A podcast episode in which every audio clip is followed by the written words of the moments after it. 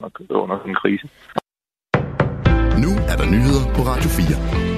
Moren til den afdøde russiske oppositionspolitiker Alexei Navalny, Lyudmila Navalny, siger, at hun har set livet af sin søn. Det sker i en video på mediet YouTube, skriver nyhedsbyrået Reuters.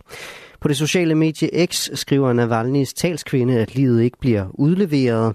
Derimod skriver talskvinden, at 69-årige Lyudmila bliver afpresset af russiske efterforskere til at lade begravelsen ske i al hemmelighed. Det er uvist, hvor og hvordan Navalny's mor har set livet. De russiske fængselsmyndigheder oplyste fredag, at Navalny var afgået ved døden i straffekolonien IK3 i Sibirien. Her afsonede Navalny, som var den mest fremtrædende russiske oppositionspolitiker, en årlang fængselsstraf. Danmark brugte sidste år omkring 0,6 procent af bruttonationalproduktet på militær støtte til Ukraine, det oplyser forsvarsminister Truls Lund Poulsen fra Venstre. Dermed er det over en fjerdedel af udgifterne til at opnå NATO-målsætningen om at bruge 2% af BNP på forsvarsudgifter, der er Ukraine-støtte. At Danmark så har brugt omtrent 1,4% på eget forsvar i 2023 er intet nyt under solen, ifølge lektor Peter Viggo Jacobsen fra Forsvarsakademiet. Det er det tal, vi plejer at ligge på, siger han. Danmark indgår en 10 år lang aftale med Ukraine om et sikkerhedstilsavn, der sikrer, at den militære støtte fortsætter, oplyser regeringen. Det fortalte statsminister Mette Frederiksen ved et pressemøde tidligere i dag. Vi har øh, valgt at lave et øh, sikkerhedstilsavn, der kommer til at gælde for 10 år, så Ukraine kan se en fremtid øh, med fred, og så de ved, at de kan regne med Danmark.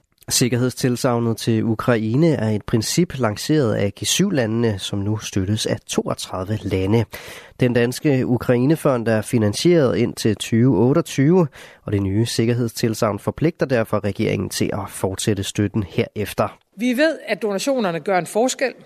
De har nu hjulpet ukrainerne i snart to år. Men når vi nu desværre træder ind i krigens tredje år om ganske få dage, så er der behov for at gøre mere. Man kan ikke vinde en krig med ord. Tilsavnet skal også ses som et led i at bygge bro mod ukrainsk medlemskab af EU og NATO.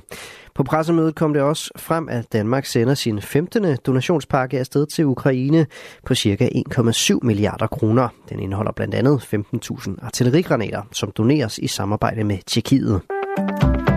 Det falder i god jord hos Ukraines præsident Volodymyr Zelensky, at Danmark nu kommer med endnu en, en donation af militær isenkram.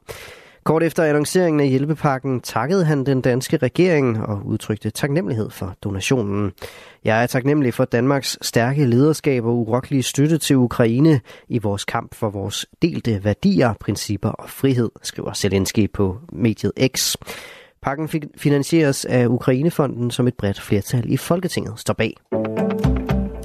Omstillingen til elbiler kommer til at ske lidt langsommere end bilgiganten Mercedes-Benz først havde forventet. Indtil nu havde bilproducenten været forberedt på et salg på op til 100% i år 2030 af el- og hybridbiler, hvis efterspørgselen vel at mærke var stor nok. Men den forventning skruer Mercedes-Benz nu ned til 50%, det skriver det tyske medie Tagesschau ifølge DR. Tempoet for omstillingen bliver bestemt af markedsforholdene og kundernes ønsker, siger bilproducenten ifølge mediet. I aften og i nat overskyet og efterhånden udbredt regn fra sydvest, efterfuldt af kraftig blæst og byer, der lokalt kan være med slud og havl. Jævnt til hård vind fra sydøst, senere syd og ved kysterne op til kuling med kraftige vindstød. Det var nyhederne på Radio 4 med Asbjørn Møller.